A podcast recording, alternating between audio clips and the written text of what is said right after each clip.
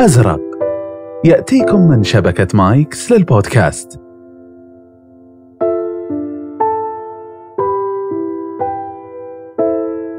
سم نفسك محاربا. إن عدت آخر كل يوم ولم تجد مبررا لكم الضرر الذي لحق بك. سم النهار مواجهات. إذا كنت مضطرا لأن تبذل قصارى جهدك في أبسط الأشياء. أطلق عليك لقب الندى. إن تبخرت وتلاشيت ولم يلتفت لك.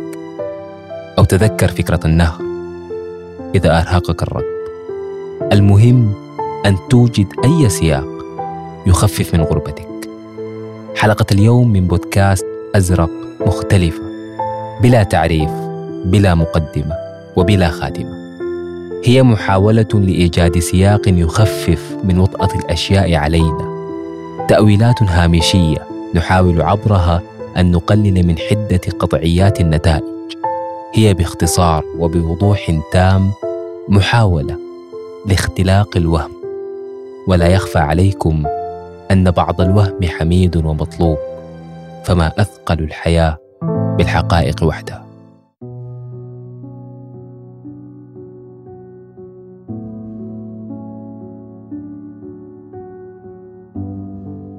يقولون في القصة العبرة وأقول في القصة العزاء. فأرى في عروة بن الورد عزاء لكل من وهب ولم يأخذ. سلوى لمن لم يمنعه عدم رد الجميل عن بذل العطاء. يقال أن عروة بن الورد كان ميزان الصحراء يقتص للفقراء من المتخمين سلبا ونهبا ويسمى بأبي الصعاليك رافقهم وعاشرهم على ما له من نسب وجاه. يستغيثون به من الجوع فيصطفي من لم يعيهم العجز فيغزو بهم ويجعل الغنائم قسمة بين الجميع. ثم يعدو في الصحراء بجواده تاركا ألسنة النيران تعلو تحت دهن الشواء وشخيرهم فوق صوت البطون الفارغة ناصر الضعفاء فخذلوه عندما أغاروا على قوم وأعجبته من السبايا سلمى. أراد التملك للمرة الأولى في حياته فحدثهم أن لكم الغنائم وللصبية فقالوا غزونا سويا وغنمنا سويا والقسمة أحق. فتذكر نصح من نصحوه أن الصعاليك لا يؤتمنون لكنه تغافل. ثم تركوها له بشيء من حرج ولكن إخراج الخنجر لا ينسي ألم الطعن. أحب سلمى وظن أنها أحبته. عاش معها عشر أعوام وأنجب منها البنين والبنات. فقالت له محدثة ذات ليلة خذنا إلى بني النضير. فأطاعها وكانت تضمر في النفس أمرا لعلمها ما بين بني النضير وقومها القدامى من صلات ونسب. أتيا القوم فأخبرت رجالهم سرا أن عروة سخي لا يرد طالبا وهو في صحوه فكيف إن كان في سكره؟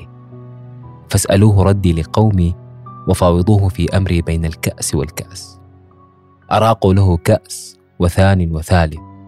ثم قال له زعيمهم أتردنا إن سألنا؟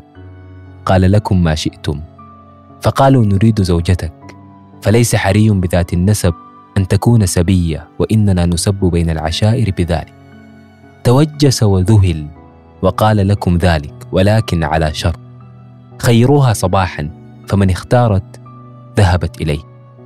وقفت كرمانة الميزان بين زوجها وبن النضير قالوا أينا تريدين البقاء معه؟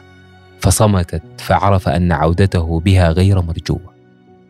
قالت أختار أهلي وإني لأشهد أنك أحسنت ستري ورفقتي وألنت جانبك إلي إلا أن الموت عندي أحب إلي من أن أعيش بين قومك. فاذهب وترقب الأيام تنسيك ما كان بيننا. تذكر نصح من نصحوه وحذروه من الخيانة فأعرض وشق الصحراء بنياقه. يذبح منها للجوع ويحمل على ظهورها المرضى يحارب جوع الأطفال ويستر عوز النساء ويداوي جرح الرجال وجرح سلمى فيه لا يهدأ ولا يبرأ ولا يكل من النزيف. قابلته سيدة تشكو الجوع فعقر لها آخر ناقة لديه وقابله رجل يشكو صد عشيقته فكتب له شعرا فيها وقال انسبه إلى نفسك. ومضى بحرا لا يبالي بالنقصان.